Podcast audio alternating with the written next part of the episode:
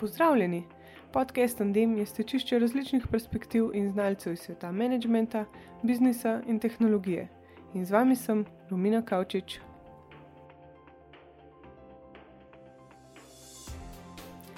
Recept za najbolj primerno agile metodo ne obstaja. Obstaja pa nuja, da upletemo motivacijo, samoorganiziranost in upletenost posameznika v procese razvoja. Katero agilno metodologijo boste izbrali, je odvisno od strukture organizacije, okolja, tveganosti, projekta. Več o tem pa nam bosta povedala Alen Stanišič in Tomaš Rakar, ki agilno razmišljata tudi izven delovnega okolja. Tomaš Rakar je vodja projektov za nove izdelke v podjetju Dan Fostrata. Po izobrazbi je magistr strojništva, a v resnici mešanica naravoslovca in družboslovca. Izkušnje je nabiral v treh precej različnih državah, in sicer Kitajska, Anglija in Danska. Na tej poti je spoznal različne agilne pristope, zato že od začetka aktivno sodeluje v globalni transformaciji podjetja Danfoss. Poleg vodje projektov je tudi Scrum Master za različne druge projektne time, coach in del ekipe, ki izvaja implementacijo agilnih pristopov po različnih produkcijskih linijah in nivojih. Z veseljem pomaga ekipam, da dosežejo hitrost, ravnovesje in, kar je najpomembnejše, medsebojno zaupanje. Alena je že od mladih let zanimalo, kako svet deluje. Stvari je razstavljal, sestavljal in najbolj pomembno poskušal izboljšati. Smatra, da je na poti, da postane odličen agilen coach s 15-letnimi delovnimi izkušnjami, večinoma v mednarodnem okolju. Med tem časom je nosil veliko klubukov, bil je Scrum Master, linijski vodja, projektni vodja, programer, razvojni inženir in tester. Kot dijak je delal električne in plinske inštalacije, bil skladišnik v mlekarni in polagal teniška igrišča. Delal je v linijskih, matričnih in mrežnih organizacijah v različnih segmentih: proizvodna, finance in storitve. Izkušnje je nabiral v velikih in majhnih ekipah po Evropi, Bližnjem vzhodu in Ameriki. Z agilnimi metodami se je srečal že leta 2004, ko je njegova kolegica Nina delala magisterij na fakulteti za psihologijo iz samoorganizirajočih ekip. Ravno takrat je postal projektni vodja.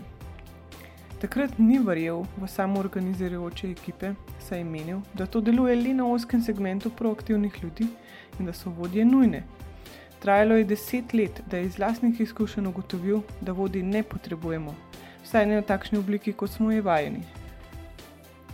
Sedaj s ponosom pove, da ustvarja in deluje v samoorganizirajočih ekipah skozi agilno metodologijo Scrum. Danes se fokusira na ustvarjanje okolij, ki v ljudeh vzbudijo najboljše, saj meni, da težava ni v ljudeh, ampak v slabem sistemu. Če bi moral izbrati par enovrstičnih stavkov, ki ga najbolje opišajo, bi to bili. Rad imam spremembe in rad jih upravljam, rad si umažem roke. Z mano je težko, mi pravijo vsi, ker sem zahteven do sebe in z ljudmi okrog mene.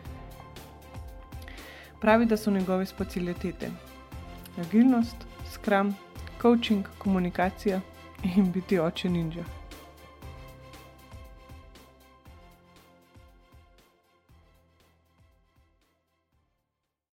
Okay, pozdravljena v podkastu. Um, za začetek me zanima, v bistvu, kakšen je vaš fokus zadnje čase, um, pa kako sta sploh povezana z agilnimi metodami. Uh, pozdravljeni, uh, jaz sem Tomaž Rakar iz Danfostrate. Uh, z samimi agilnimi metodami sem se spoznal pred uh, tremi leti, um, ko sem dejansko bil del uh, globalne pisarne ki skrbi za procese uh, po vseh segmentih, katere dam Fosmane. Um, in tam sem tudi prišel v stik z samim uh, skramom, pa z samim inoviranjem, ko se je se veliko pogovarjalo. Tako da zdaj, dan danes, uh, se ukvarjam, kako peljati razvojne procese uh, izdelkov, uh, software, hardware, pa mehanskih delov. Eh, hkrati pa tudi glede inovacijske kulture, pa hekatoni, kar je zelo upevano, pa design thinking procesi. Tudi vse, kar je zdaj teh buzzwordov, veliko okoli tega se gibam. Jaz sem Alen Stanišič, prihajam iz Ljubljane, delam v NLB-ju uh, in sem v nastajanju, da postanem izvrsten agilni coach. Danes sem kvečemo dober. Z agilnimi metodami sem se prvi srečal leta 2004, ko je kolegica delala magisterij na psihologiji iz samo organizujočih ekip. In jaz, kot uh, ravno postali projektni vodja, tega nisem verjel, da je to možno, in so se valjda skregala. in sem trdil, da to deluje samo v nekem oskem segmentu proaktivnih ljudi, ne tako kot očika, ne 4%. In da vodje nujno potrebujemo, zakaj sem še zdaj se izbral za projektnega vodja. Ne? In trajalo je deset let, da sem na lastnih izkušnjah potem ugotovil, da dejansko vodje ne potrebujemo, saj ne v taki obliki, kot smo jih vajeni. In sem požrl svoj ponos, pa sem jim napisal, da zdaj pa ustvarjam samo razvijajoče ekipe skozi agilno metodologijo Scrum. Potem sem razmišljal, ne, zakaj nisem prisluhnil že leta 2004 in sem prišel do koncepta sprejemanja inovacij. A to poznate kaj?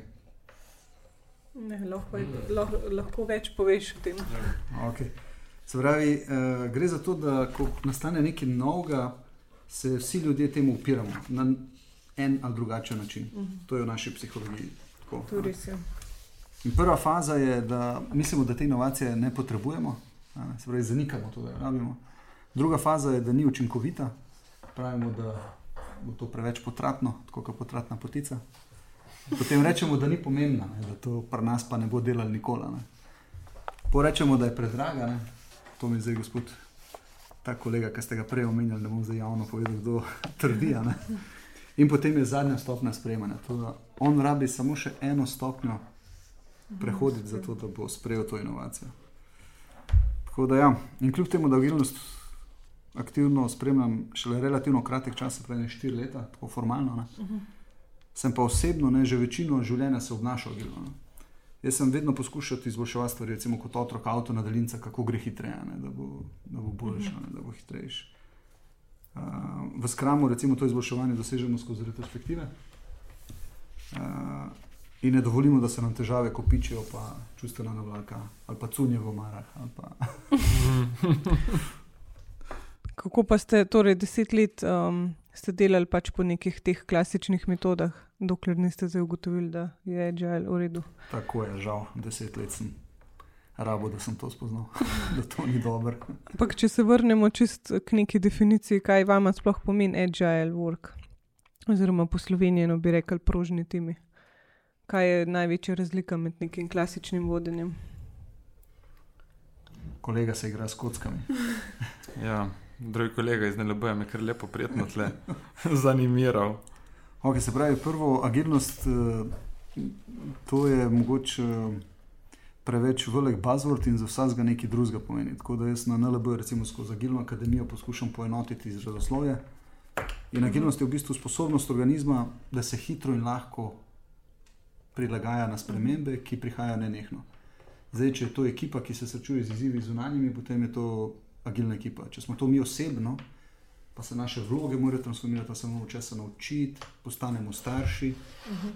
Je to sposobnost, pravi, da se enostavno prilagajamo. Da bi se pa enostavno prilagajali, pa moramo biti v dobri kondiciji. Uh -huh. uh -huh.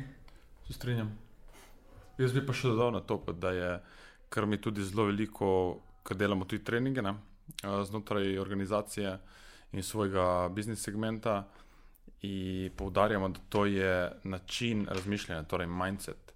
Uh, ko, ko si ti delal pred 15 leti, 50 leti, ne boš mogel na isti način delati tudi danes. Zato boš mogel nekaj spremeniti. In pol tudi ta del agile, tu je en ta ne, mindset, razmišljaj, pač uh, spremeni, kako razmišljaš in uh, work smart, not hard. Ne. Ampak bi rekla, da zato potrebujemo tudi zelo samoorganizirane, pa pač motivirane posameznike da to lahko damo na vse ljudi. Ja, zdaj, to je vedno zanimivo vprašanje, kaj je bilo prej kura ali jajce. Kaj vi da mislite, kaj je bilo prej kura ali jajce? Odvisen. Ja, ne, ni odvisen. Mislim, da je zelo jasno.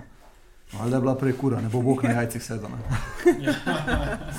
uh, ne, to po mojih izkušnjah to ni res. Se pravi, imamo dobre pa slabe sisteme. In če damo ljudi v slabe sisteme, že Denning je rekel leta 1950, pa to ne ta sti Denning, in ta drug ta prav. Uh, je rekel, da slab sistem bo uničil 95% mm. dobrih ljudi. Ja. In zdaj, če damo ljudi v slab sistem, se bo slabo obnašali. Če jim date šefa, se bodo ljudje obnašali kot otroci. Mm. Čeprav doma so ti ljudje odrasli, mm. spremljajo odrasle učitelje, imajo svoje otroke, kupujejo avto, kupujejo hišo, stanovanje, in potem pa v velikih organizacijah jim pa ne moremo zaupati niti 500 evrov, da bi se odločili, ali si bojo šli na team building, ali si bojo kupili nov stol, ali bojo si rama več dodali v mašino. No. Spravi, če se obnašamo tudi kot otroci, se bojo obnašali kot otroci. Ja, zaupanje je treba jim dati. Um, kakšne agilne metode pa sploh poznamo? Torej, v samem agile svetu, ko je zelo upevana beseda, to je tako že nastala leta 2001, ko se štirje uh, nadobudneži oziroma softveraši spravili skupaj, da bi sploh postavili, uh, ravalen, da bi sestavili neke, neke okvirje oziroma pravila, kako še bolj lažje in uh, posplošiti samo, samo uh, razvijanje softverja. In pol iz tega ven so nastajali tekom let razno razni, uh, rečem, procesi oziroma programi. Ne? Najbolj znan in popevan je Scrum in Kanban. Kanban je zelo zanimiv za proizvodne procese, ne? čeprav tudi lahko kakšne pisarne ne, ga furajo. Ne vem, vi, če vi ga imate v NLB-ju, Kanban. Ne, večina implementacij Kanbana, ki sem jih jaz videl, je slabih. Da, Aha, ok. Ja. Lin, nas... lin, pri nas imamo lin. lin. No. Recimo za procese. Mm pa polje še kaj extreme programming, uh, se ima. Uh, DevOpsi so neka nova način, to je lansko leto, dve leti nazaj prišlo ven, uh, ki ga je Microsoft izdal. Ampak kaj bi rekla, da so največje razlike, oziroma bi izbrali eno metodo za določen tip podjetja, oziroma ne za tehnološko podjetje, za neko servisno podjetje? Ja, kam vem. Um, Jaz bi rekel, da, da je odvisno od tega, v katerem področju neke kompleksnosti svojega dela obstajamo. Uh mhm. -huh. Če se nam življenje ne spremenja preveč, pomeni, da nismo v področju kompleksnosti, ampak mogoče v področju enostavnosti. To so zdaj neka, jaz si to predstavljam v glavi. Ne? Tu zdaj ne morem vam pokazati, poslušalcem tudi ne. Da, recimo, če si zamišljamo kot najbolj enostaven model kompleksnosti, se pravi, da imamo na eni strani težavo, razumevanje težave, na drugi strani pa razumevanje, kako bomo to težavo rešili. Se pravi, imamo dve vprašanji. Ali poznamo težavo, ali poznamo rešitev. In če ne poznamo rešitve, ali če ne poznamo težave, so te recimo design thinking, debono, poslovna analiza. Ko pa enkrat težavo spoznaš, potem imaš pa način izvedbe. In tu pri načinu izvedbe, recimo, pa tipično pravimo projektno vodenje. Zdaj, zakaj je skram tako uspešen? Zato, ker ne ločujemo več dela, kot smo ga vajeni ločevati po tem Taylorju. Zdaj, nimamo več ločeno linijsko delo, projektno delo, uh -huh. management delo, ampak skram ekipa sama sebe menedžerira. Torej, povem, da ni šefov, uh -huh. ampak se morajo spremeniti v koče, mhm. -huh. v skram mastre, v agilne menedžerje in predvsem mora pogodba med ljudmi, ki delajo in šefi se spremeniti. Zdaj, ta star način delovanja, kjer v bistvu šef ve vse, gremo do tega, da se v skramu recimo, obrnemo na trg in je stranka šef. Zdaj, ker če ne damo stranko v spredje, potem ne bo dobro. Ne? Torej, v bistvu neke ploščate organizacije bodo vsekakor bolj uspešne. Tako. Hmm.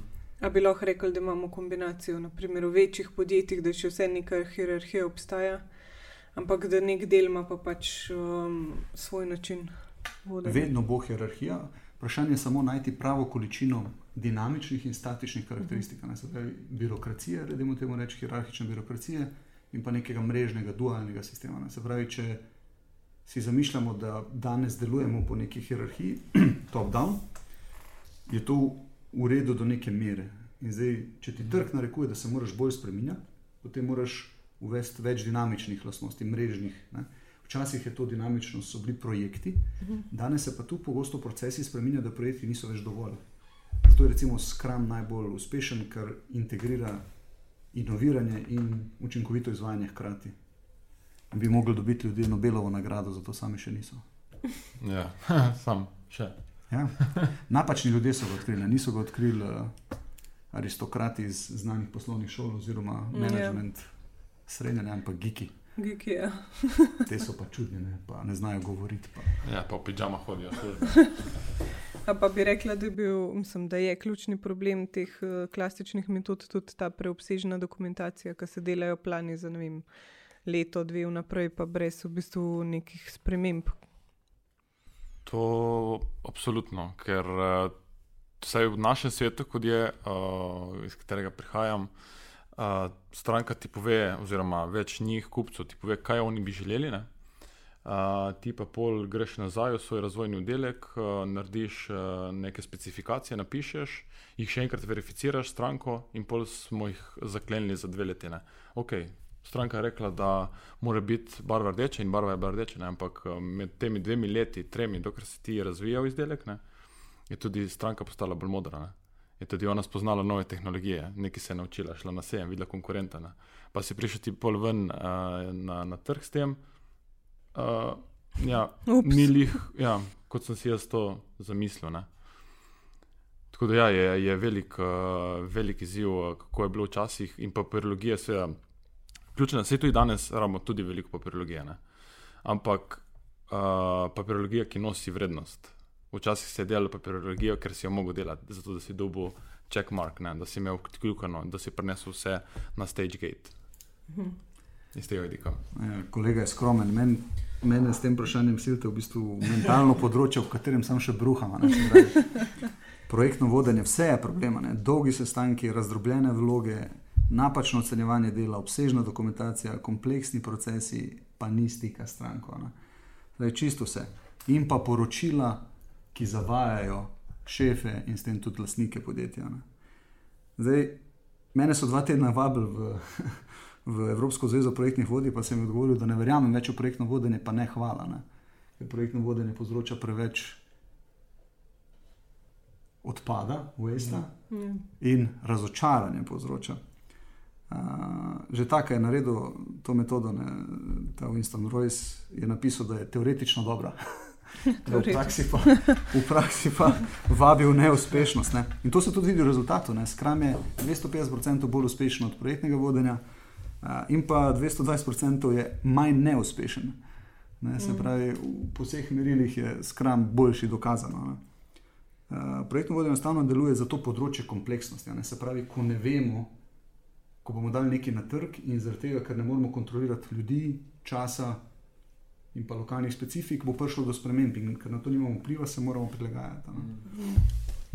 Tako da. Uh, pri projektnem vodenju, recimo, moja zamera je to, da najbolj pomembne odločitve sprejmeš na začetku, ne, ko si najbolj uh mhm. -huh. glup. In hkrati moder, da si misliš. Ja. In takrat stran, stranko silimo, da si zamišlja nekaj, kar ne rabi, kar ne ve, ker dokaj stranka ne začne česa uporabljati, ne ve. Jaz vam pol na koncu en primer, tako banalen, na primeru mojih slušalk, iz mhm. žepa vlečem slušalke. Ne, pa bom razložil, v bistvu, kaj je pristop, če tretiraš to kot kompliciran problem, kjer narediš analizo in potem imaš rešitev, ali pa če tretiraš to kot kompleksen problem, pa greš na agilen način s kramom, da ugotoviš po rezultatu, kaj je boljše, kateri izdelek je boljši. No, to me zelo zanima. Um, ampak, bi rekla vsem, da so te agilne metode učinkovite um, bolj za tehnološka podjetja. Ker v bistvu so se pač z Giki začela, nekako software, hardware um, podjetja so jih najprej posvojila. A gremo kar na primere. Ja. Jaz imam recimo primer, imam FBI Software Development, se pravi razvoj programske opreme, pri, primer uh, razvoja srčnega spodbojalnika, se pravi strojna mhm. oprema plus programska oprema, uh, John Deere proizvodnja traktorjev, Salesforce razvoj programske opreme, potem imamo v šolstvu, v cerkvi, kolesarstvo, v cerkvi, wow. letalska industrija, avtomobilska industrija v družini, bolj Amazon, seveda, pa moje slušalke. Ne bi jaz rekel, da je samo za tehnološke primere, to je lahko tudi mhm. osebno to uporabljate doma. Če hočete imeti bolj zadovoljno življenje s partnerjem, pa z otroci, recimo jaz skram uporabljam na mojih otrocih, to deluje. Mhm. Kako pa to uporabljate? Ja, recimo, ne, smo v zunih in otrok, smo rečem, moramo iti počasi domov, ure po sedem, ne, večerja, igranje, cartanje, ne, branje knjigice. Ne, ne, hočem biti malo zunih. Ampak, ko pridemo domov, ne bo tega. Spravi, imamo omejeno količino časa, ne bo tega. In bolj pridemo domov, ja, hočem še to. Ja, ne moreš, tam si se odločil, da hočeš biti zunih, tega zdaj ne moreš dobiti. Se pravi, treba je znati prioritizirati. Moji otroci znajo finance že prioritizirati in svoj čas. Ni dovolj časa, da vse tako je. Ja, se, če že čas prioritizirate, je super. Tako. Pa recimo učinkovitost metode, se pravi, to je ta tretja ali kira faza stopnje sprejemanja inovacije. Uh -huh. uh, je tudi stvar o tem, kako smo mi dobri v tem. Torej, jaz srečam ljudi, jaz sem pa skram master, jaz sem coach. Kuk dober skram master si? Na skali od 1 do 5. Če ne veš, kuk dober si, pol ne veš, ali si dober ali si slab. In, jaz jim pol predlagam coachom, da grejo tam. Ne? Na center za odvajanje odvisnih od alkohola, dvigovati telefonske, ki se hoče ljudi ubiti. Tako da, dobro hočeš, da, da spremeniš svoj, svoj spektr reševanja težav. No. Sam tam ni je agile, verjeten. Ja, ampak se to agilnost pomeni, da si sposoben reševati, se prilagajati na več situacij. No. To je zakon kibernetike, na sistem, ki se je sposoben prilagoditi na več različnih situacij, bo mhm. preživel. Amazon, recimo, vsako industrijo, ki vstopi, jo njuka, jo transformira se pravi, modna industrija, shipping industrija. Vi poznate Amazon, verjetno samo z vidika paketov. Ne, ja. se imajo ful različnih. Ja. Ja. A veš, kirom, kako so organizirani? Mislim, vem, da imajo določene oddelke, imajo čiste agile, pa niso v bistvu hierarhično. 3300 skram ekip. A ja, toliko jih imajo. Ne. Pa, ne. pa bo pa nekdo rekel, da skram ni za velike firme ali pa da skram je neučinkovit. Pa, ja, pa... se je, samo morajo pa biti po mojem razdeljeni po nekih manjših ekipah. So, obstaja ka način, kako se skram skalira. Mm. Da, ja. Mm. Recimo, prej smo se pogovarjali o metodah, ne smo tu en tak zanimiv statistiko. Recimo, če bi vidva imela podjetje, pa vam pride nek guru za metode, pa reče: metoda A ima tisoč strani, 49 procesov, metoda B ima 32 strani in en proces. Katero metodo bi vidva uporabljala za vaše ljudi, da jim razložite vašim zaposlenim, Je za en proces. Ja, no, to je skram. Ta druga je pa waterfall, se pravi, slopovna metoda po PMI metodologiji. Mm -hmm. Ko govorimo o učinkovitosti, je tu zelo tako tanko področje.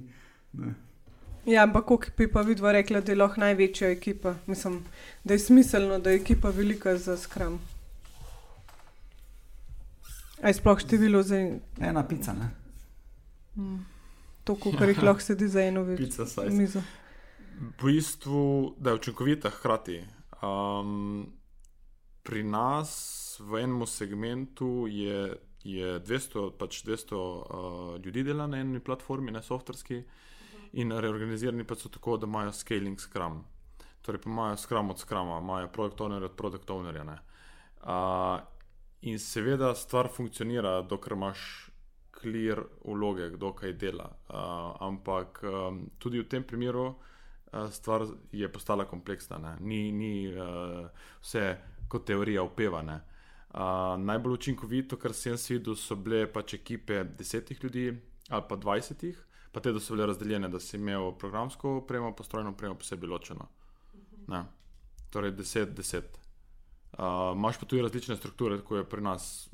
Tudi uh, mi, torej, ko sem jaz znotraj enega segmenta, drugi segment, ima čisto drugače oblikovane projektne time, kot jih imamo mi ker spet je odlejo tudi kultura. Ne? Kitajci se drugače oblikujejo okoli skrama, kot se mi v Evropi oblikujemo. Ampak teh 200 ljudi ima spet svojega skram masterja, recimo nekega overall, pa pa 200 se spet loči na ful manjših.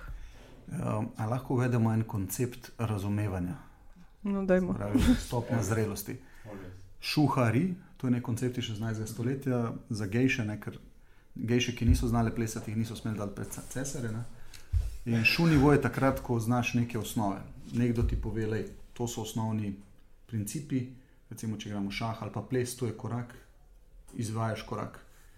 Potem greš na Hanivo, kjer v bistvu ugotoviš, da ne obstaja več samo en korak, ampak začneš ta korak lepo tekoče izvajati, in potem se učiš plesati drugih plesov, lahko že.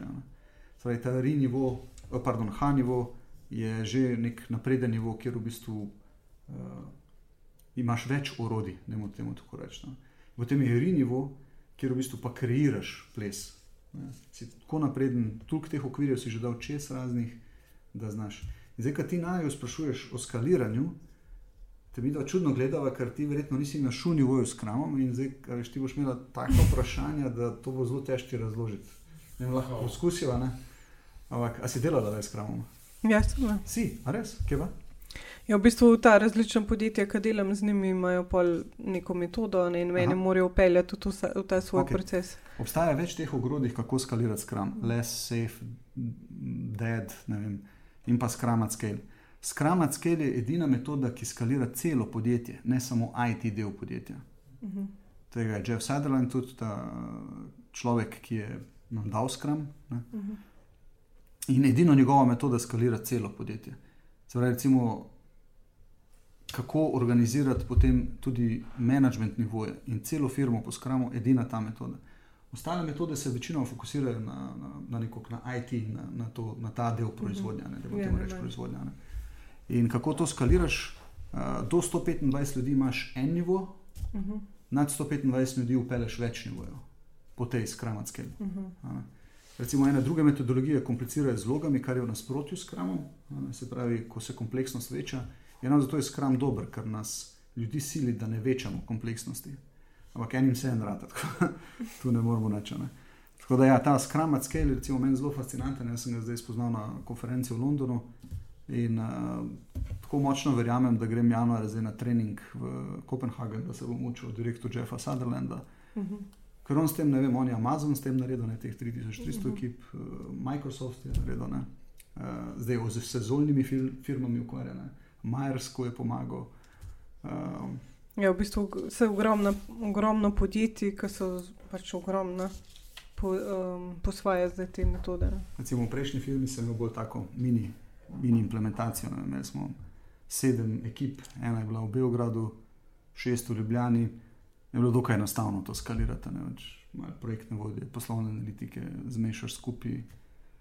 Vse uh, smo že prehajali, smo že ugotovili, da en način organizacije ni bil najbolj optimalen, smo prehajali na nekaj drugega. Ampak to je to, ne, pravi, da si agilen tudi v način organizacije, ko ugotoviš, da ti nekaj ne dela več, da mm. spremeni. Mhm. Tako um. isto s kockami, ki si jih prenesel. Tako, te kocke se kličejo pentomimo. Vsaka kocka ima pet kvadratov. Mhm. Ne gre v kar Google, poslušalci. No, pa če gremo zdaj recimo na neko načrtovanje in izvajanje projektov z uporabo agilnih metod, lahko tudi za skram poveste, kako se sploh lotimo tega. Uh, torej, mi smo se najprej lotili na tak način, da uh, je mogla biti najprej strategija postavljena, uh, da se gre transformacija delati uh, globalno, čez vse organizacijske strukture. Uh, začeli smo pa najprej na našem execution partu torej tam, kjer, uh, ker mi imamo razdeljen uh, projekte v tri dele. Uh, in ta execution part je seveda execucija projekta, kjer imaš že idejo in zdaj treba samo še razviti. Točno veš, kaj moraš narediti. In na tem delu smo se mi 2016 uh, lotili z upeljavo Scrama, sprememba našega waterfall modela v Scrum proces zato so pa mogli biti pripravljeni uh, vsi, da imamo reči, treningi, kako bomo to naredili, uh, na kak način. Uh, in pol dejansko smo mogli tudi to globalno razširiti, pa rabiš ljudi, da delajo treninge. Ne? Tako da začeli smo s pilotnimi projekti, in uh, pol uh, se je to izkazalo kot dobra praksa.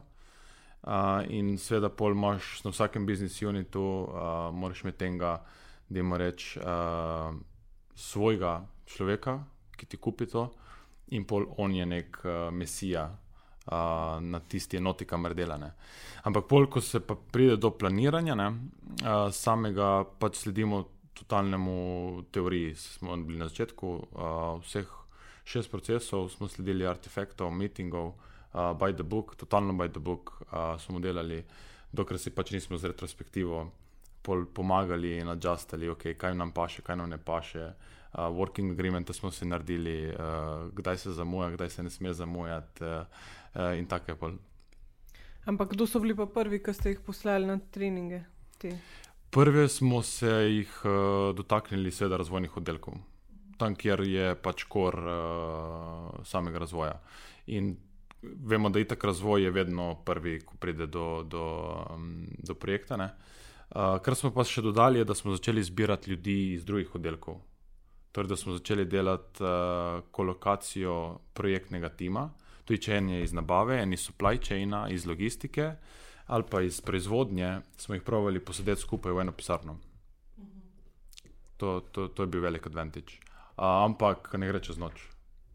Ja, se to je. Verjetno že te, ki so naredili te tečaje oziroma neki certifikati, verjetno niso kar čez noč prišli. Pa. V bistvu se ne rabi nobenega certifikata, kar smo naredili, smo treninge z levo Aha, kockami naredili. Aha. Uh, najboljše pač ljudje se naučijo sam z igro, ne? tako kot smo se mi včasih otroci eh, igrali, smo se naučili, tako kot se danes naučijo. Ne?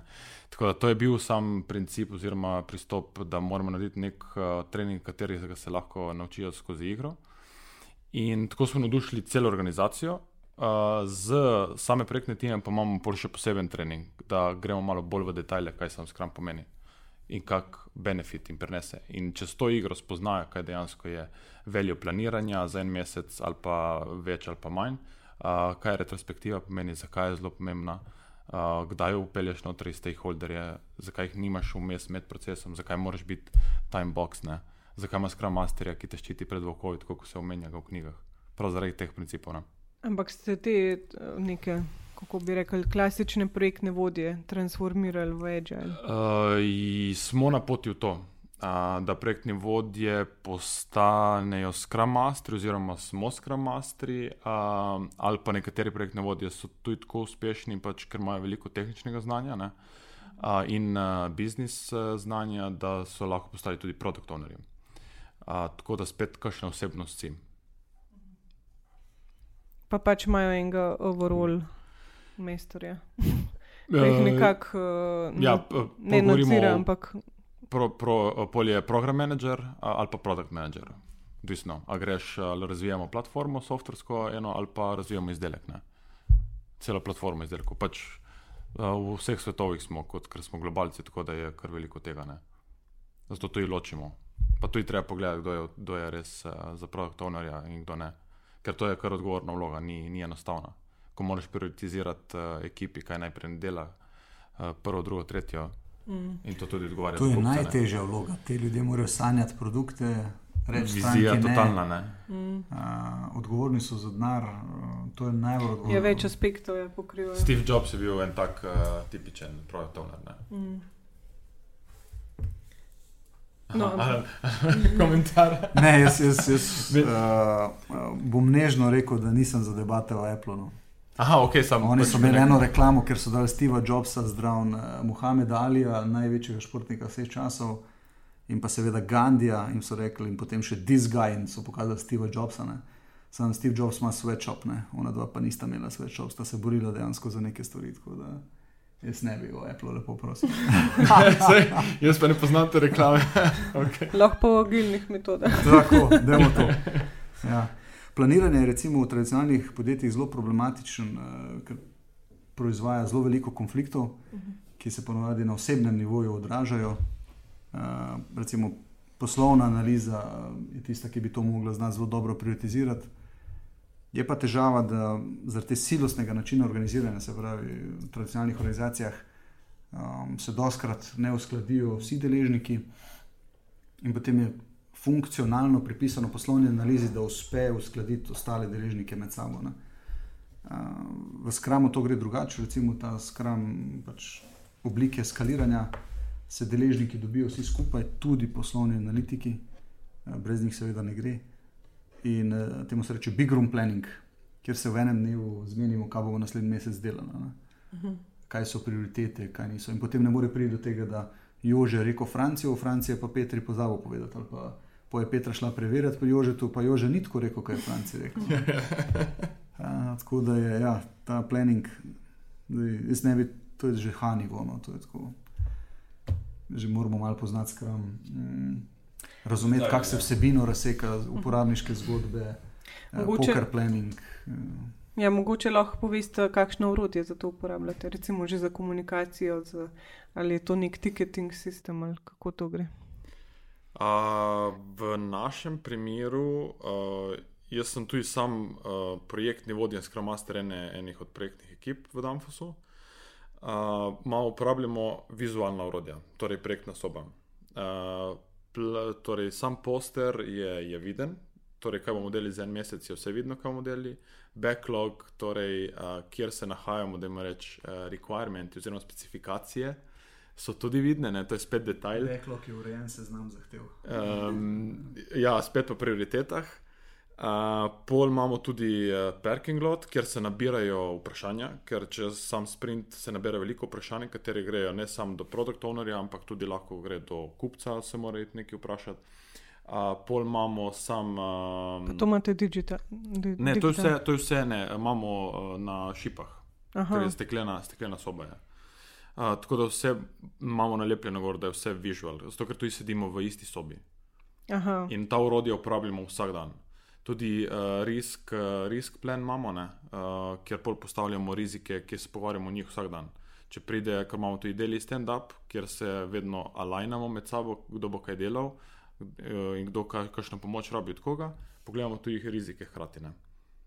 Ker lahko prišle ena informacija zjutraj, da dobavitelj ne vem, uh, ni prišel do plastike prave ne? uh, in zamujamo z našimi kosi v našo proizvodnjo, E, in pol, ko bomo pol mi shendali s tem. Ne.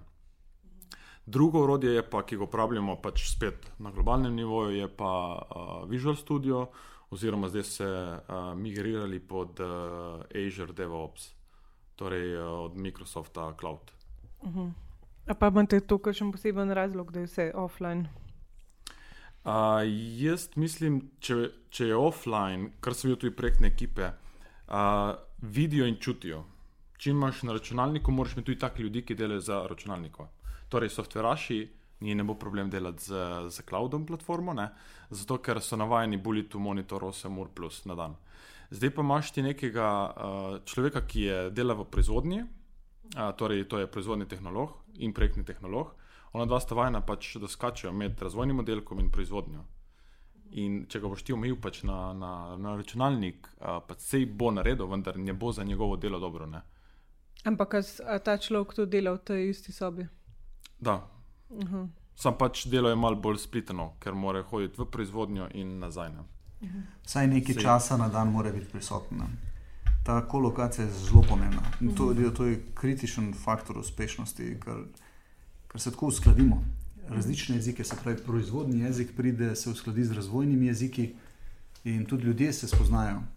In če si predstavljaš, uh, če bi se mi dva večkrat pogovarjala, bi se začela bolj poznati kot prijatelj. Ne, prijatelji že, že ne nekaj rečemo in se že razumemo.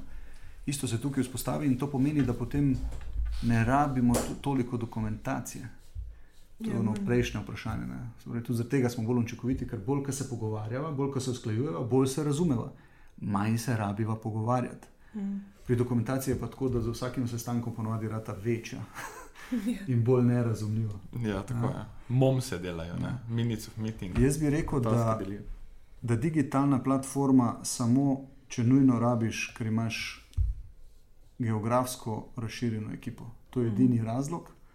Drugače pa fizično. Kreptrak, stike noci, A3 papir, mm. floki, tabla. Mhm. Da vidiš, kako to izgleda, recimo pa nas. Piši, piši. To je value hitmap, se pravi, to so zgodbe, ki so ovrednotene glede na vrednost, ki jo prenesejo, pa glede na strošek. Tukaj imamo impediment, tu je skram tabla in recimo list, ki posledijo, to je tedenski sprint, tu je 9 mhm. storijev, to pomeni, da morajo na dan narediti vsaj 2 storija. Mhm. Tu je pa zadovoljen človek, ki je prej bil zelo nezadovoljen. Ampak po. Zelo verjel v waterfall. Imate te, recimo, dva storija, pač, a to sta vrednotena na isti način ali po prioritetah? Tako, to način vrednotenja relativno je pogruntan že leta 1940, temu se reče Delfi metoda. Kaj so pogruntali? Pogruntali so, da v bistvu ljudje smo zelo slabi v absolutnem estimiranju na dolgi rok. Vse to, ja. kar je v enem tednu, to še znamo, ampak na dolgi rok katastrofa. Rank napake je do 400%.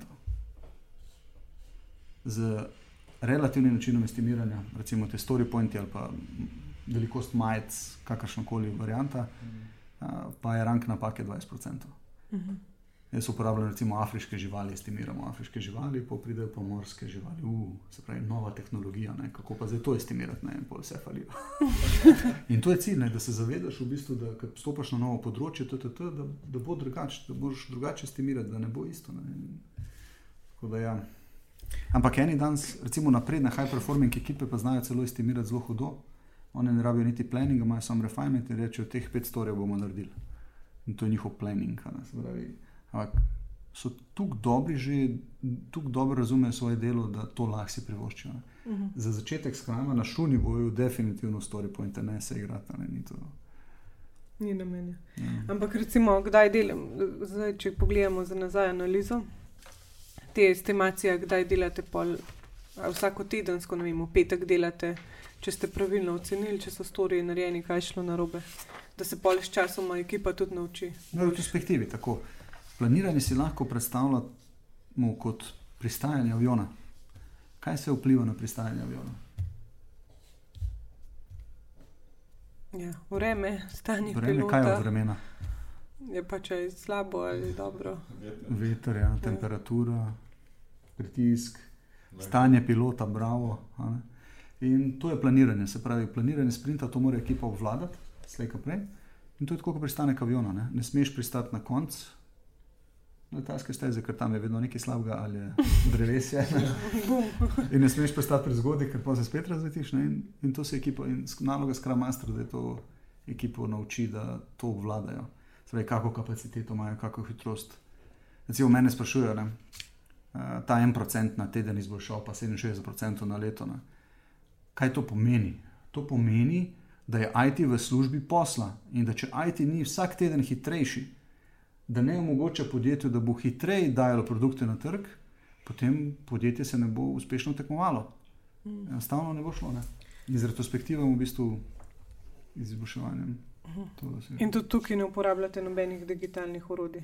Stiki novce, sicer table za retrospektive, tole ni.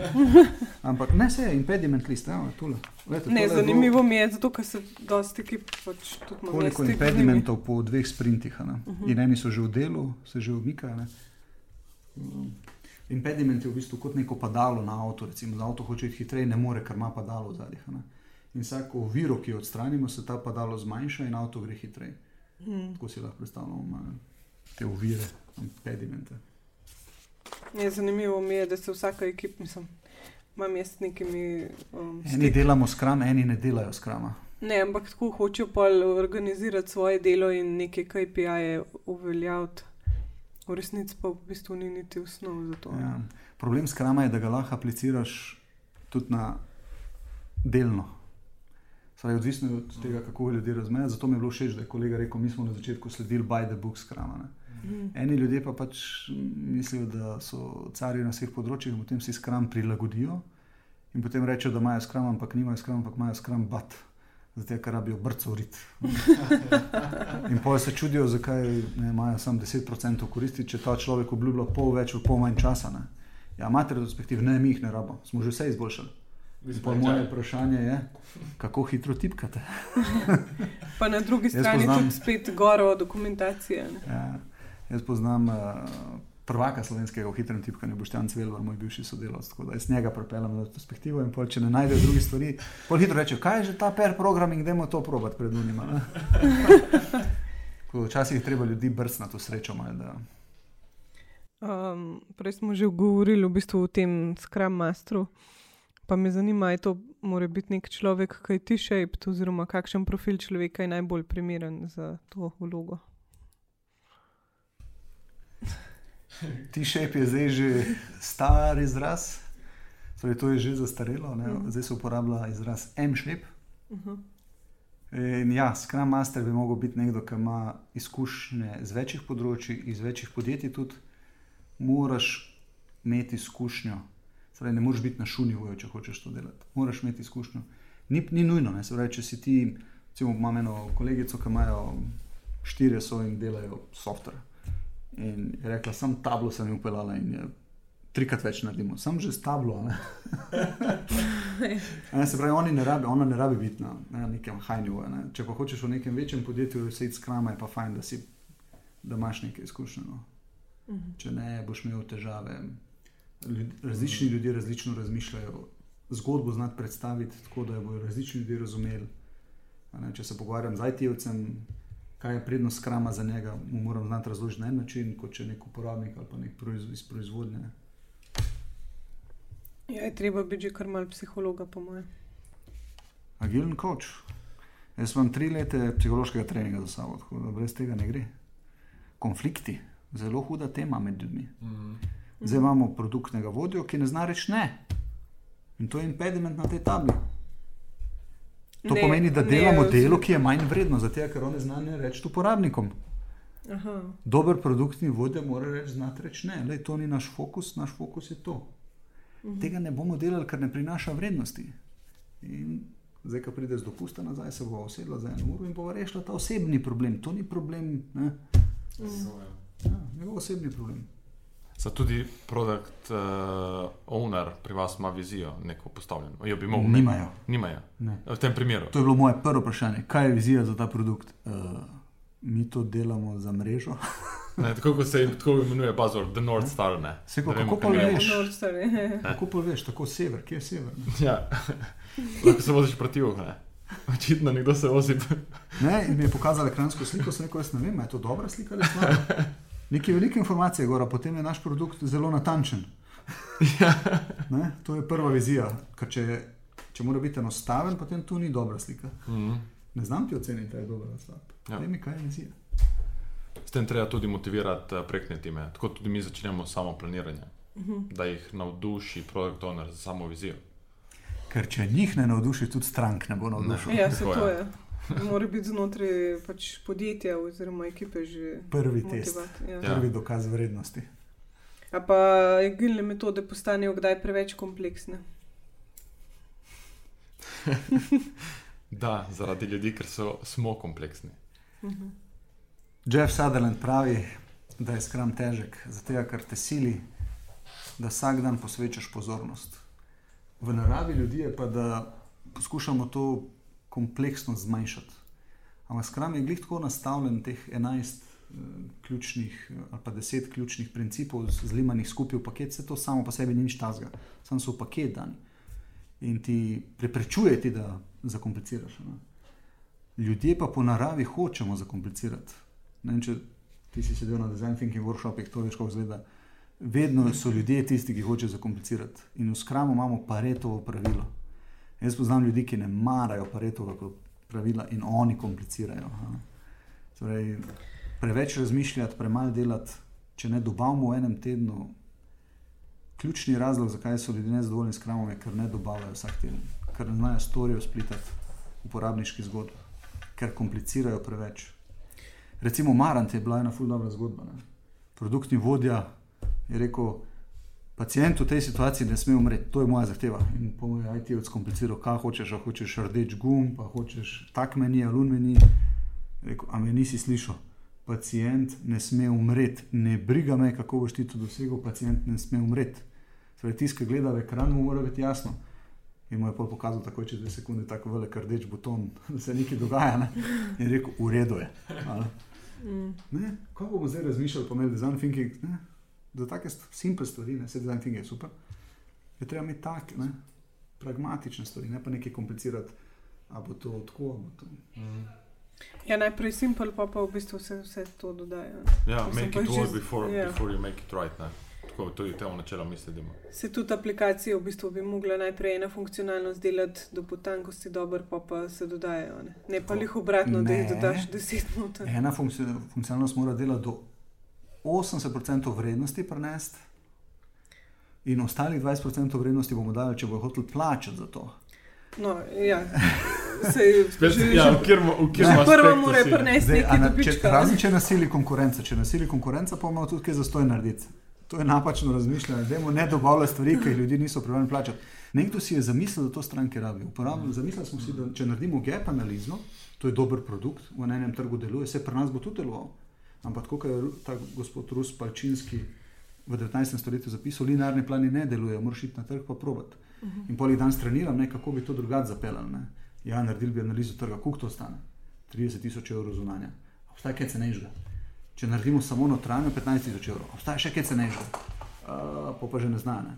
Pa Reče, kaj pa če bi naredili spletno stran v nastajanju, svet, ne, osebni svet, ali ne vem, kako se temu reče. In potem, če vas zanima, se prijavite. In ko vidiš, da se v treh mesecih noben ne prijavi, to stane 2000 evrov, so mi rekli pri nas, ne delaš tega. Mal probaš spremeniti, mogoče nisi pravilno umestil v spletno stran, to probaš spremeniti, ne, da, da mogoče Ja. ljudje ne vidijo, pošlješ maile, ne, da jih opozoriš. Sploh če imaš stranke inovatorje, s katerimi ti dovolijo, da delaš napake, ne, z takimi strankami moraš imeti stik. Ne če imate vi, to je super. Ja, ja. Obvezno. In potem ti oni povejo, hitro ti dajo feedback. Mm. Se pravi, treba iti na trg, probati, če ne, No, se to mislim, da ja. je treba na trgu probati, ne s temi dolgimi anketami, ki praktično vsi lažejo. Druga stvar, da ne delamo 100% funkcionalnosti, je pa ta, da lahko za ceno enega današnjega projekta, tradicionalnega, dobite pet agilnih projektov. Mm. Zdaj mi pa povete, kateri CFO si tega ne želi. Ja, pa tudi hitreje pač priješ do nekega feedbacka, ni zdaj treba čakati ja. en let, da se pač. Ne, matic. Samo prazno.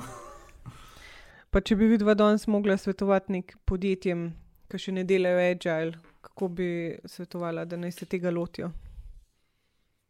Kaj bi bil tisti prvi, prvi najbolj pomemben? Prvo je vprašanje, kaj želijo doseči. Torej, ko ti narediš uh, svoj prvi milijon, se moraš reorganizirati. Ne? Ok, pol si naredil 10 milijonov, se moraš spet reorganizirati. Priješ do 100 milijonov, se moraš spet reorganizirati, transformirati. Gremo na milijarde, agen. Boš, moj, boš mogel uvajati nove subsisteme, oziroma kot smo mi zdaj uvedli, one pine. Uh, vsaka firma mora pri sebi pogledati, uh, kaj dejansko ji bo sam agilni pristop omogočil. Um, Máš dobre prakse in slabe prakse. Uh, zdaj, če bomo usilili ljudi, da gremo v agilnost, pa to top management ne verjame, spet uh, it's fail. Ne? Spet ene, ene firme rabijo tudi čas, da pride do nekega spoznanja. Uh, pri nas je najboljša kombinacija, kar smo vid mi videli, in vsak svet, vsaka firma diha drugače. Uh, je kombinacija nekega design thinkinga, lean in agile. Ne? Vse Gartner ima lep proces, kako ga je on napisal, ampak zdaj kaj pomeni v tvojem svetu to? Ne? Again, theory is something, ampak ko priješ do, do prakse, je spet čist drugačna scena. Kolega, ja, jaz ne zaupam Gartnerju. Gartner samo posnema, kaj večina dela, in potem, če delaš to, kar večina dela, nimaš nobene konkurenčne prednosti. Te se vedno pogledaš, ne? kje tebi ustreza. Ja, vem, vem, vem. Bila je ena konferenca, rekla ena gospa. Če delate to, pol delate dobro, ker tako dela 90% podjetij. Ne. Testirajo po razvoju. Je prišel človek za njo, skram obvlada, uh, Gojko Adžič in rekel. Pa nimate nobene konkurenčne prednosti. Jaz delam z podjetji, ki, ko naredijo avtomatski test, ki gre v produkcijo, zbrišajo avtomatski test. Ker ga ne rabijo osveževati, to, to je izguba časa za njih. Zakaj? Zato, ker imajo metrike v produkciji, ki jim hitro povejo, ali so delali napake. Recimo, outfit 7. Spremenijo gumb, prihodki začnejo padati, če 4 ure dajo gumb nazaj. Mm. Ni za banke to. Ne? Kaj bi jaz predlagal? Prvo je to, da agilnost ni cilj. Agilnost mora biti pot in sicer najhitrejša pot. Pravi, če danes neki delajo podjetja, bojo potem lahko hitrejša. Pa bi predlagal svetovalca. Paretovo pravilo pravi, da na začetku narediš največ napak. V prvih 20% časa boš naredil 8% napak. Zdaj, če si lahko to prvošte, pa če ste tu pametni, se lote sami. Kar jaz gledam na Telekomu, Petrolu, pa še kje druge, ki se lotevajo skrama, ne, brez skram mastrov, to je katastrofa. Ne dve leti se tam matrajo in jim nič ni gre. V enem od teh so upeljali dodatni nivo hierarhije in so na vlaku, ki s tem pride in se kregajo. To ni. To ni Recimo, jaz sem delal z Vorancem, ne sem ga najel, da je bil svetovalec in hkrati tudi Scrum Master. Ne? In sem ga vprašal, koliko high performing ekip je naredil v Sloveniji. Ne? In je rekel, da v Sloveniji on še ni videl high performing ekipe. Čakaj, nisi razumel vprašanja, koliko si jih ti naredil. Ne? Je rekel, to ni moja naloga. Ne? Pa so se hitro skregali, da to je njegova naloga. Ne? Tako da Voran je recimo danes na poti, da postane certificiran timski coach in bo imel v Sloveniji prvega človeka, ki bo znal to delati tako, kot je treba. Um, ampak tako je, kad delaš nekaj na šuni voju, ne? se lotiš tega sam. Če, jaz bi sam predlagal, ne se lotiti sami. Poiščite si kolega, ki to zna. Naj jo kontaktirate na LinkedIn, vam bomo pomagali tudi za stojn, če treba. Um, drugo, kar bi predlagal, če je večje podjetje, da se zavedate malo teh metod uvajanja sprememb, kako to vpliva na ljudi. Da imamo ljudje v možganih štiri centre, ki nasilijo to, da se branijo spremembam, potem kako mimo teh centrov. Potem, kot je rekel kolega, ne sam ne boš nič, se pravi, moraš ustvariti vojsko. Recimo, jaz predlagam Accelerate knjigo. Uh, in pa predvsem se ukvarjati z njihovo miselnostjo. Uh, v ljudje smo dani v škatlice, od osnovne šole, srednje šole, faksa naprej, da je tam ena tako lepa škatlica. Kreativnost pri petih letih 100%, do osmega leta prepolovljena. Mm, Ker nas vsi silijo, da se adaptiramo. Ne? In to je žal tudi cilj večino HR-ov v, v podjetjih, da iščejo alignment. Mm. Ampak kaj pa je kultura? Kaj je kultura? Ja, spet, da greš v nek box. Ne. Kultura je raznolikost. Naravni sistem ima veliko kulture. In če v podjetju samo iščemo sodelavce, ki so nam podobni, ne bomo imeli kulture, sam si si bomo kimali Mm. in ne bo nobene inovativnosti. Ne. To se pa vidi na design thinking workshopih, kad daš ljudi, ki preveč isto razmišljajo skupaj, pa neč ne pride iz njih. Tako da nekako tako bi jaz. Morate se zavedati, da ko začnete z novimi stvarmi, je to kot virus. Vsi te napadejo. Ne? In če si sam, te bojo tudi požrli. In moraš dobiti ljudi na svojo stran, moraš jim znati predstaviti stvar tako, da oni razumejo, ne tako, da ti razumeš. Jaz sem včasih silo ljudi s kramom, ni bil dober pristop. Mm. In se jim tudi upravičujem za to, ampak tako je bilo. Jaz sem tudi bil na šunivu enkrat s kram master. In, Ja, vsi Pač, začetki da so tako. ne. To, Ja. ja. tudi celega. Zdaj pa lahko poveste dober primer, um, mogoče zdaj lahko v slušalkah slišimo. Jaz sem povedal, kje je primer, imam povedal, videl, kje so vam všeč. Ja, katerkoli pre, uh, primer bo v redu. Mogoče nekaj, kar je najbolj neobičajno. Ok, recimo John Deere, ne, sedaj je to tak javni primer, tudi oni so začeli tudi v IT-ju. Vse te transformacije se nekako začnejo v IT-ju, tam je delo najbolj kompleksno in ljudje, ta skram izhaja iz IT-ja. Danes imajo 1500 ljudi že na skramu, od 3500 ljudi, tudi za, razvo ne, za razvoj. Recimo ameriška vojska uporablja skram in za razvoj programske opreme, in za organizacijo na terenu. ne. Dajo mi vojaka, razlaga kapetan, to si lahko preberete malo. In nimamo vseh veščin. In kdo je odgovoren, da bodo moji vojaki zdaj ne, se v Afganistanu dobili nove veščine? Je jaz kot kapetan. In imam človeka, ki ima veščino, imam človeka, ki nima. In jaz moram poskrbeti za to, da se naredi prenos znanja. Ne. ne bom jaz šel jamrati mojemu šefu gor, da naj mi tega pošlje na trening, ker to bo trajalo. Ja. Ne? Ljudje mi bodo pa umrli. Se pravi, to je recimo tak enostaven primer, pa Salesforce, ta je zelo znan primer. Ne Vem, 2006, ali kjer leta, ena dobava na leto, zelo malo vrednosti za stranke. So najeli vem, 300 agilnih coachov, trenerjev, Scrum Masterov, pridite, v treh mesecih so naredili transformacijo in so že v tem letu dobavili 100% več funkcionalnosti, kot prej. ne. Pol FBI je tak lep primer. Deset let so se trudili na waterfall način. Prvih pet let so mislili, da je problem v, v, v tem, da niso razumeli zahtev, Mhm. pa so porabili vem, 200 milijonov. Pa so drugih pet let so rekli, ne, arhitektura je bila problema. Ne. In smo rabili pač pet let, da smo to poruntali. Tudi to ni bilo dovolj. Ne. To je virtual case file, Sentinel projekt. Ne. In pa so končno začeli leta 2011 uh, najeli Jeffa Sutherlanda. In on je prvo ekipo rekel: 400 ljudi ne rabimo, rabimo 40 ljudi. Prvo je to naredil. In pa so začeli s kramom, ampak tukaj imam en burnout chart in tukaj vidiš, v bistvu, da do sredine projekta ni šlo dobro. Aha, ja, ko gre dol. Ni šlo, ni šlo dobro, ker do tukaj ni bilo uporabnikov. Mhm. In pol je končno uspel prisiliti uporabnike, da so prvič začeli uporabljati sistem, in potem so pol leta kasneje dobavili projekt.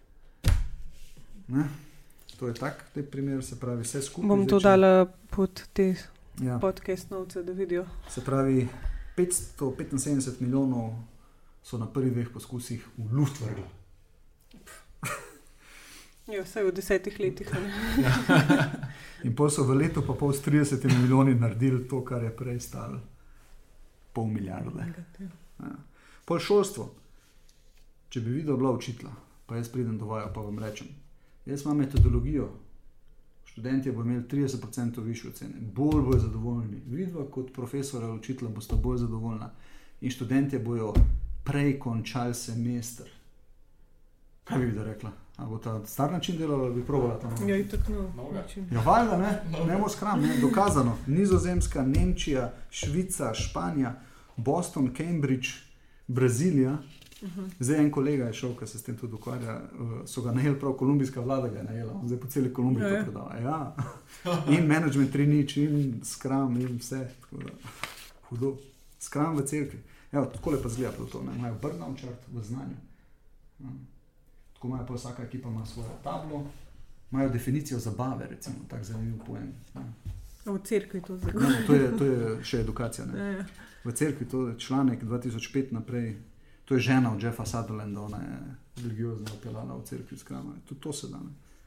Zakaj Team Sky zmaguje v kolesarstvu? Zadnjih, koliko so zmagali? Ja, se že kar nekaj leta ne V pomeni. zadnjih sedmih letih so zmagali šestkrat. Oni so tisti, ki so opeljali, da ko prideš na konc potekmi, da kolesar goni v prazno 10 minut, da se ohladi. Prvo leto so se vsi smejali, ampak oni so vedeli, kaj je fora. In se niso opustili. Naslednje leto so vsi to delali. Kaj oni delajo? En procent izboljšave na majhnih stvarih. Mal večja Mm. pedala, mal manjša pedala, mal večja balanca, mal manjša balanca. Mhm. Pa mal tak pošter, pa mal drugačen pošter. Vse, kar se Je tiče potestirano. kolesarjev, Mhm. so izboljšali. Ne? In pol pač večji okvir, manjši okvir. Letalska industrija, Saab Gripen versus Lockheed Martin F-35. Jaz sem šokiran. 13% nakupne cene, se pravi, jaz vem, jaz bi, jaz bi Saaba kupil. no. Uh, 15% vzdrževalnih stroškov, in pa ground time je samo pol ure, on ima pa 4 ure, mora biti na zemlji. Se pravi, ko se prednost se spet dvigne. Ne. V zraku, v treh kategorijah zmaga, oziroma v dveh kategorijah zmaga Gripen, v eni zmaga pač F-35, to je air to ground, kar v zraku itak ni pomembno, je bolj pomembno air to air, pa fleksibilnost, pa logistika. Proizvodnja avtomobilov, Wikispeed, delajo v paru, da se izognejo neproduktivnemu izobraževanju. Skoraj nimajo dokumentacije. Wow. Avto naredijo v šestih urah s kramom. Avto ima porabo 2,4 litra, 240 na uro gre, Mhm. 640 kg. Pa jaz kot kupec si lahko na spletu sam naredim svojo karoserijo. Ima pet zvezdic. Hudo, ne? Mislim, top. Čisto malo pristop. Ne. ja. Ja. Kako so naredili? Ja, prenesli so. Ne? Se pravi, principe iz razvoja programske opreme v projektno programiranje, uh Mhm. -huh. tesno, znan razvoj. Vsaka komponenta lahko v enem tednu zamenjana. Ja, ja. Kaj bo v tradicionalnih podjetjih? Dokler CFO ti bo rekel, dokler se model ne amortizira, ne, Ne ne bo boš mi šla to. Pozabi. Mm. Anti-change management procedure. Ne. V družini. Ne. Tri leta kasneje še vedno imamo deli skram in moja žena jih šteje kot najboljše momente kot mama. Gospa Feller. Recimo ena moja sodelavka si zdaj upeljala skram in zadnjič sem jo izpostavil, ko sem en njenih ekip predstavil, sem rekel, kaj pa ti, kak si ti zadovoljen s kramom, se kaj premika doma. Ne? Je rekla, ja po 15 letih vse. A? Se pravi, če ste malo nezadovoljni doma, dajte skrama. Ne? Tako da, pol te slušalke, ta je tak zanimiv primer. A imamo čas za to? Mhm. Ja? Si za? Ja, ja, ja. Okej.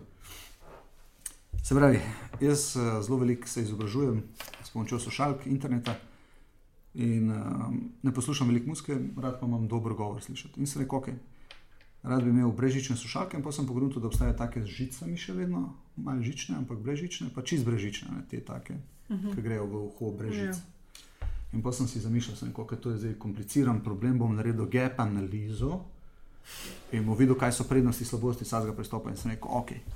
Plusi teh čist brezžičnih so, da takoj se polnijo, ker to je v bistvu baterija že noter, Aha, v tisti ja. fotroli, ki daš noter. ne. Ni žice na obrazu, ker kadam te slušalke okoli obraza, Aha, sem malo. rekel, ojoj, to, kar bom imel tako, me bo ta žica tukaj motla. Ne. Potem sem rekel, velike so, pa težje bom zgubil, ne te une druge. Ne. Pa avtomatično se klopi, ker jih, jih dam ven, se bo avtomatično klopi. Kaj so minusi, levo, desno moram ločiti, ker desna ima ponovadi mikrofona. Ne. So razmerno veliko za žep, pa malo so draže, ne dvakrat draže. Ne.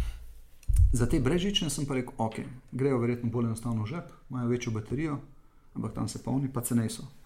Minus je ta žica na obraz, pa ta gumb za vklop, to me moti. ne, to je- Ja. Pa sem rekel, čakaj, ja. pa ti si kao nek ekspert za agilnost, pa tudi to malo agilno zapel. Moraš to probat, ne? da boš videl iz rezultata, kaj je res, kaj ni res. Ne? Moraš probat, če ne, ne bo nič. Pa sem rekel, okay, kaj je learning budget. A bom kaj zapravo preveč, a ne, ne samo če imam denar, grem na mimo vrste in polim vrnem vse slušalke, ki jih ne bom rabo. a Ne? In dobim ves denar nazaj, se pravi, learning budget je 0 evrov, pa ne vem, dve uri časa. Ok, sem rekel, šel kupiti. Si vzel eno uro, testiral, kaj je bil rezultat. Absolutno brezžične slušalke. Vsi plusi so ratali minusi. Zakaj? Ja, to, da ni žice, je v bistvu problem, ker nimam voljem kontrola. Aha, je. A Ne, to sem bolj pognuto, ker sem te probo, nisem niti razmišljal o voljem kontrolu. Mm. Dokler nekaj ne probaš, niti ne veš, kaj se boš fokusiral. Ne? Dokler produkta stranka ne proba, ne ve. Ne? Ne veš. Ni avtomatičnega vklopa na vseh teh slušalkah. Ne? Na, na enih, ki sem jih imel, pa sem izgubil, so imele, te pa niso imele. Ne? Tako da ta prednost je ni obstajala. ne. To takojšnje polnjenje ni bilo tu pomenilo, ker teh šest ur je bilo več kot dovolj. In pa, kar so pa novi minusi teh slušalk, ogromne so, to je res, to si imel v žepu tako, ne, ne vem kaj. In pa vedno jih moraš vklopiti. In problem je, da moraš na obeh slušalkah držati gumb in to ne moš še so delati, ker te ohoboli. Ampak moraš jih dati na futrolo in jaz jih pol na futroli, ker je tam lukenca, ne, da stojijo noter in držim na futroli. a ne. Pa zdaj, ok, te imajo en gumb, to je postala prednost, da imajo en gumb. Se pravi, slabost teh slušalk, ki sem prej označil en gumb, je ratala kar naenkrat prednost. Aha, je. Pa sem rekel, kaj so pa prednosti teh. Ne? Enostavno za žep, to mi je bilo tako še sem zbašaš v žep, se ne sekiraš uno, pa v futrolo, pa zapret futrolo, pa pol ena varianta od teh so padale ven, to mi ni bilo všeč. Šest urna baterija za tri dni je več kot dost. Novo, ne, ta gumb za vklop, pa ta voljem kontrol, ne, to mi je bilo super. Ker kaj zdaj jaz delam, jaz zdaj te slušalke celo na novo uporabljam. Jaz to uporabljam za klice.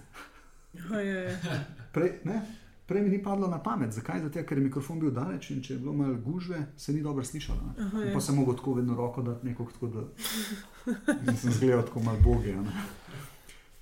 Tako da ja, in dokler nisem probo, sem se delal pametnega, ker sem bil najbolj glup.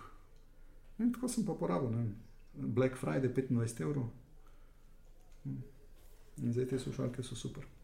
Tako da. No, se v bistvu vse treba s prakso, ne? pa je pol vse lažje. Mogoče, če imate še vi kakšen primer iz Danfosa, um, dobre prakse, zdaj, kar ste ugotovili v teh treh imamo- letih.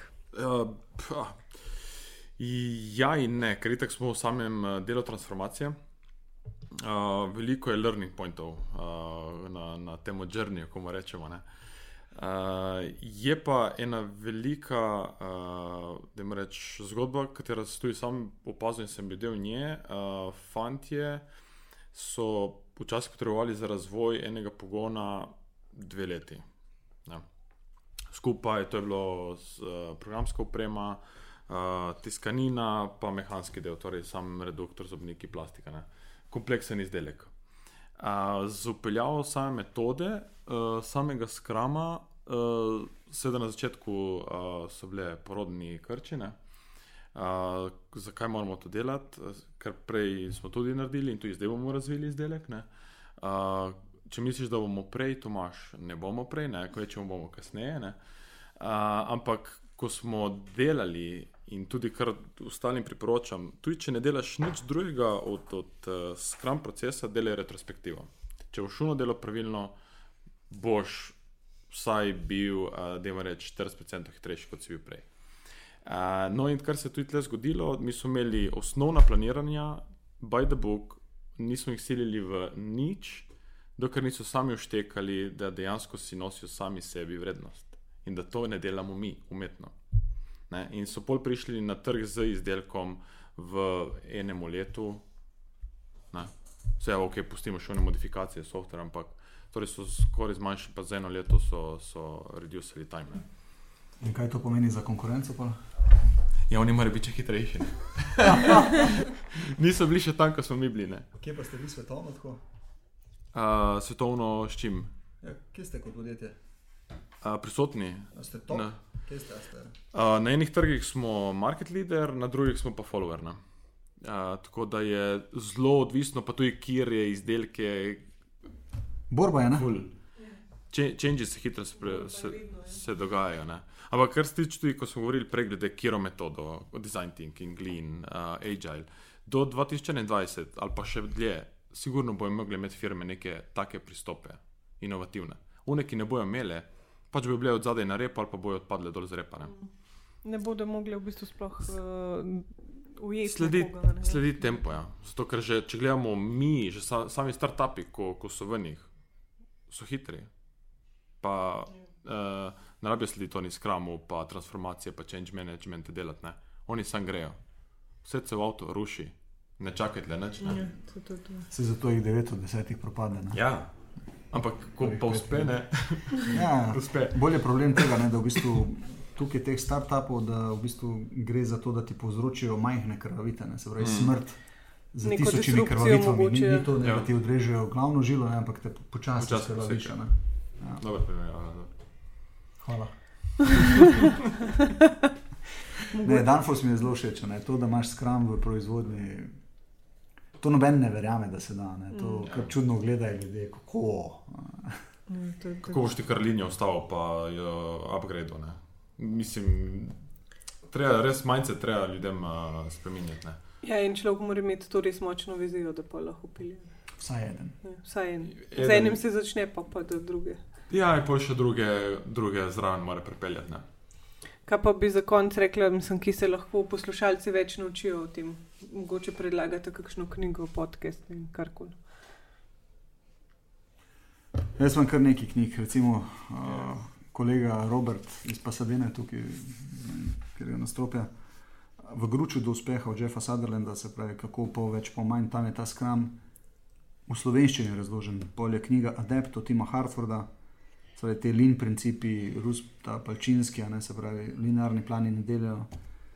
The Day After Tomorrow, uh, zelo dobra knjiga, kjer v bistvu ne, kaj delamo dnevno, delamo to, kar moramo narediti, koliko časa posvečamo za jutri, kao 20%, za pojutrišnjem 10%. Realnost je katastrofalna. 93% za danes, par procentov za jutri, nič za pojutrišnjem. ne. Mm. Kar je še huj, on definira en pojem shit of yesterday, soj. ne, to je ta navlaka, ki se ti nabira, čustvena navlaka. Delo so analize, 50% izboljšav se da doseči samo z reš, us, uspešnim reševanjem osebnih konfliktov. Zdaj, če boste imeli te retrospektive, ki jih je kolega predlagal, res to jaz tudi predlagam, sam to začnite. The Age of Agile, to je za večje firme, definira neke tri nivoje, kako v bistvu se velike firme morajo začeti spreminjati. Polje Accelerate od Johna Kotterja, se pravi za večje firme spet. Mm, emocije od Zorana Milivojeviča. Tisti, kdo hoče biti Scrum Master, kdo hoče biti Agile Manager, Management 3.0 delati, mora biti čustveno inteligenten, se pravi ta mindfulness, čustvena inteligenca, brez tega ne gre. Pa recimo Damien Hughes, uh, on je- se zelo športno psihologijo ukvarja, um, ta Five Steps Winning Mindset, uh, top knjiga, pa Gary Hamel, What Matters Now. Pravi, Gary na zelo plastičen način pove, da na star način ne bomo dolgo preživeli. Danfos ali nič. Dan for say or nothing. Ja. Se Danfos v skram ne zagotavlja, da bojo preživeli, sam zagotavlja jim, da bojo uspešno reševali svoje težave. Ja, učinkovito. To ali bojo imeli dobre produktne lastnike, ali se bojo uspeli prilagoditi na trg, kako imajo stik s strankami, to je pa vse odvisno od njih. Ja, to je Mhm. ločena zgodba. v bistvu. Mogoče tle še ena je z The Agile uh, Enterprise, ta je za, za organizacije in za kako dejansko izpeljati transformacijo skozi. ne. Uh, meni pa tu zelo ljuba je pa Sprint. Mhm. Ja, knjiga, sem brala. Ta od, je, od Google. kako v petih dneh ja, testirati idejo. To dejansko, kar rabiš danes, ko imajo mladi, pridejo do ideje, ko delamo tudi interne uh, hube. No, zdaj, če si to idejo dubo, zdaj pa še v petih dneh, da jim testirati, če je res to tone. Če ne, waste of time, gremo naprej. Ne? Waste of time and money. Ok, ful vam hvala za te neprecenljive nasvete in znanje. To je vse na šunju. No, sej, to je zdaj uh, spark of interest. Hvala tebi, Romina. Hvala tebi, da si naj upovabil.